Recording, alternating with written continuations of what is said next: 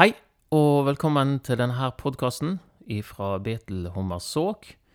Eh, Vi har nå kommet til del to i en serie vi har gående om sekularisering. Eh, Vi har henta dette temaet fra boken eh, 'Som om Gud ikke finst' av Magnus Malm. Og der tar han opp spørsmålet hva skjer når livet sekulariseres? Knut nevnte sist at ordet sekulær ble brukt om det som var utenfor tempelet, altså det som hørte verden til. Eh, Eller verdslig, om du vil. Og, og sekularisering betyr da verdsliggjøring. Eh, opprinnelig så har eh, ordet med tidsalder å gjøre. Altså vi får ordet sekel, som betyr århundre. Men etter hvert så får eh, dette et innhold som har med tidsånd å gjøre. Altså hva verdier og holdninger folk har i den tiden. Hva skulle du si, om det som er trenden i tiden, eller eh, politisk korrekt, for å si det sånn. Og, og sekularisering handler da om å tilpasse seg til tidsånden, om du vil. Eh, sånn som begrepet blir brukt i dag, så ser vi det først blir brukt på 1600-tallet. Om det å overføre eiendeler fra kirka til den verdslige staten, altså det å gå ifra kirka til verden. Og, og det blir brukt i dag om det å frigjøre seg fra religion. Kirka, altså både som enkeltmenneske og samfunn. Eh, eh, Store norske leksikon har en definisjon.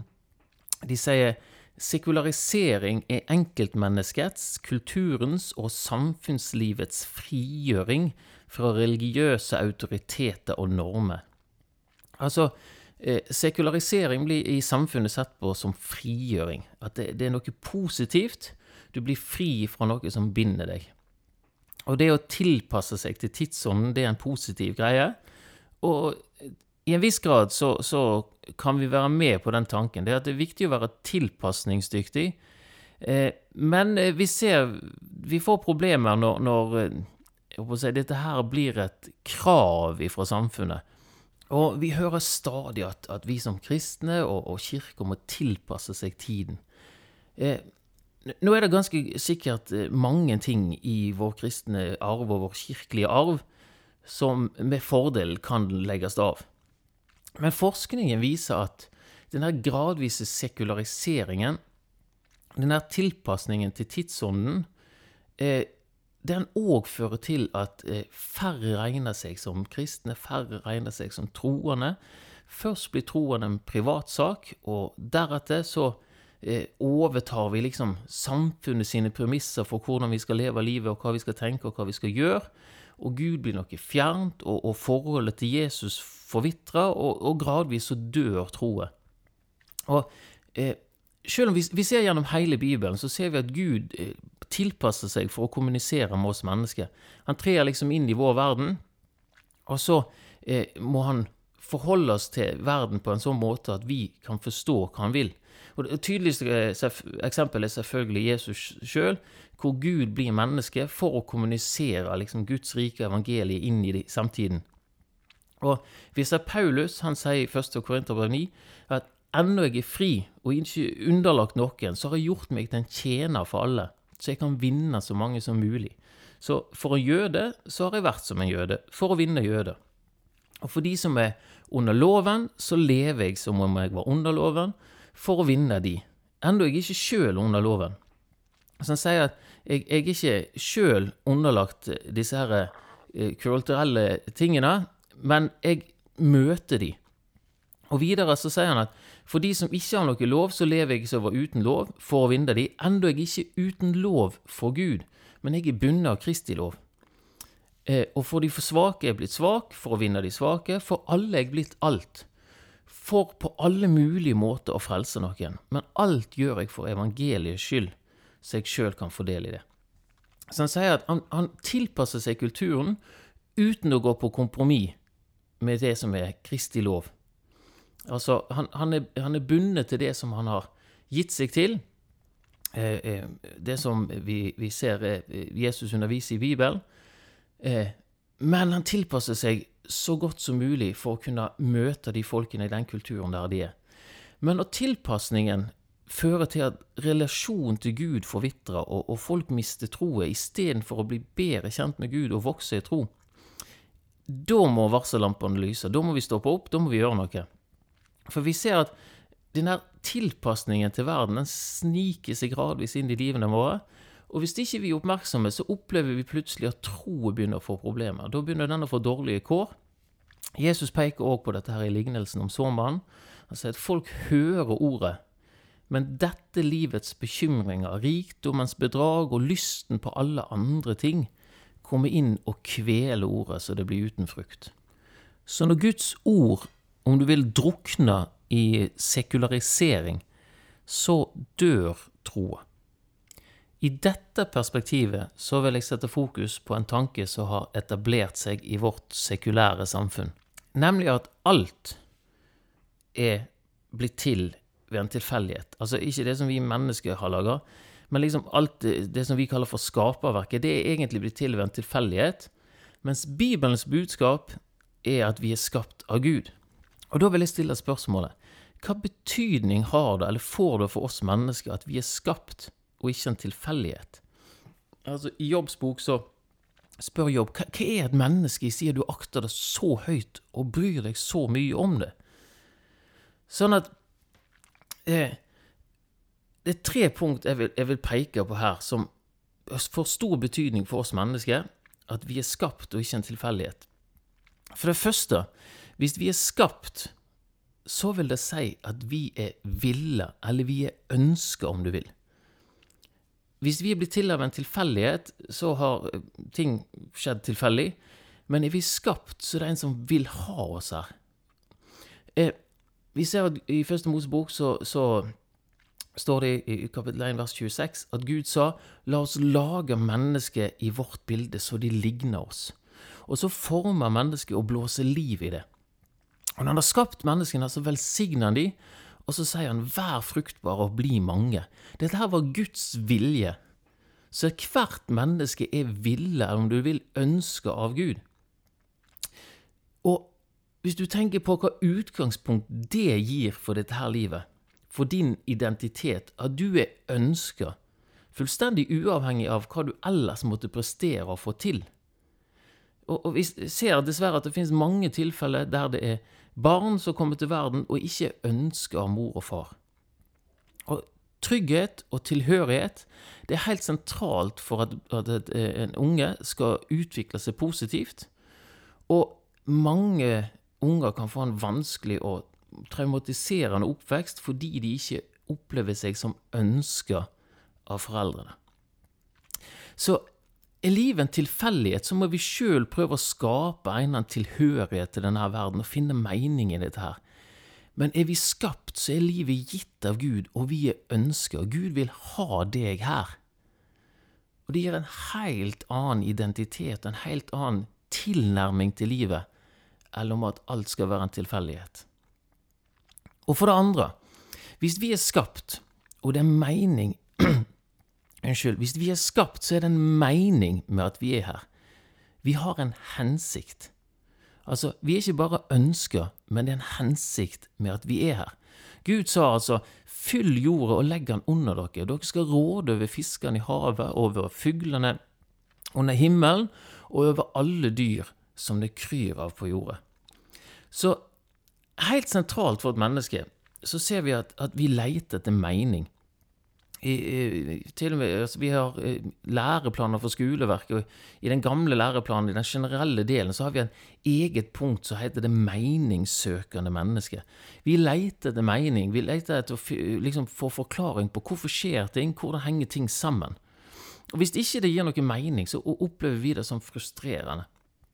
Og er vi en tilfeldighet, så må vi prøve å finne en eller annen slags mening i en meningsløs tilværelse. Altså vi, vi leter etter en eller annen måte å realisere oss på og få et eller annet som på en måte er meningsfullt. Men er vi skapt, så er vi ikke bare ønska av Gud, men det gir mening at vi er her. For det første så, så er vi satt til å forvalte skaperverket som Gud har gitt oss. Men i tillegg så ser vi ut ifra Bibelen at vi er tiltenkt til enda høyere hensikter. For ut ifra denne verden som, som, har falt, vi ser vi har svikta det oppdraget Gud har gitt oss, så blir vi kalt inn i et nytt fellesskap som er om du vil, høyere enn den opprinnelige hensikten. Vi blir kalt inn i et familiefellesskap med Gud sjøl gjennom Jesus. Og dette er ikke tilfeldig. Det ble planlagt før verden ble skapt. I Efeseren 1,4 så står det at i Kristus så utvalgte han oss før verdens grunnvoll ble lagt. Sånn at vi er både ønska og vi er tiltenkt en helt spesiell posisjon i skaperverket. Så vi er både ønska og vi har en hensikt. Og for det tredje er vi skapt, så er vi alle like. Vi stiller likt innenfor Gud. Første Mosebok 1.27 sier Og Gud skapte mennesket i sitt bilde. I Guds bilde skapte han det, som mann og kvinne skapte han de. Innenfor Gud så er vi alle like. Vi har samme verdi.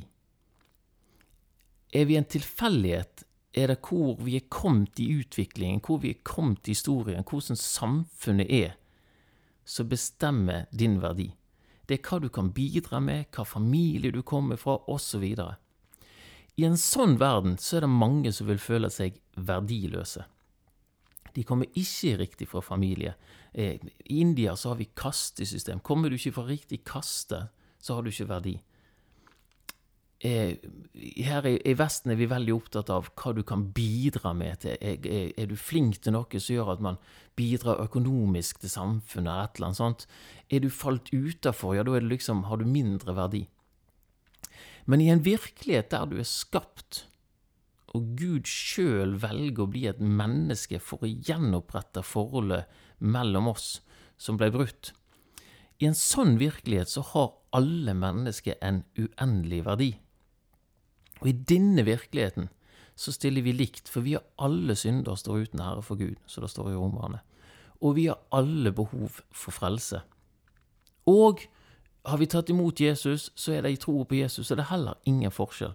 Galaterne 3,26 sier at for dere er alle Guds barn ved troet i Kristus Jesus. Alle dere som ble døpt til Kristus, har ikledd dere Kristus. Her er det ikke jøde eller greker eller slave eller fri eller mann eller kvinne. Dere er alle én i Kristus Jesus.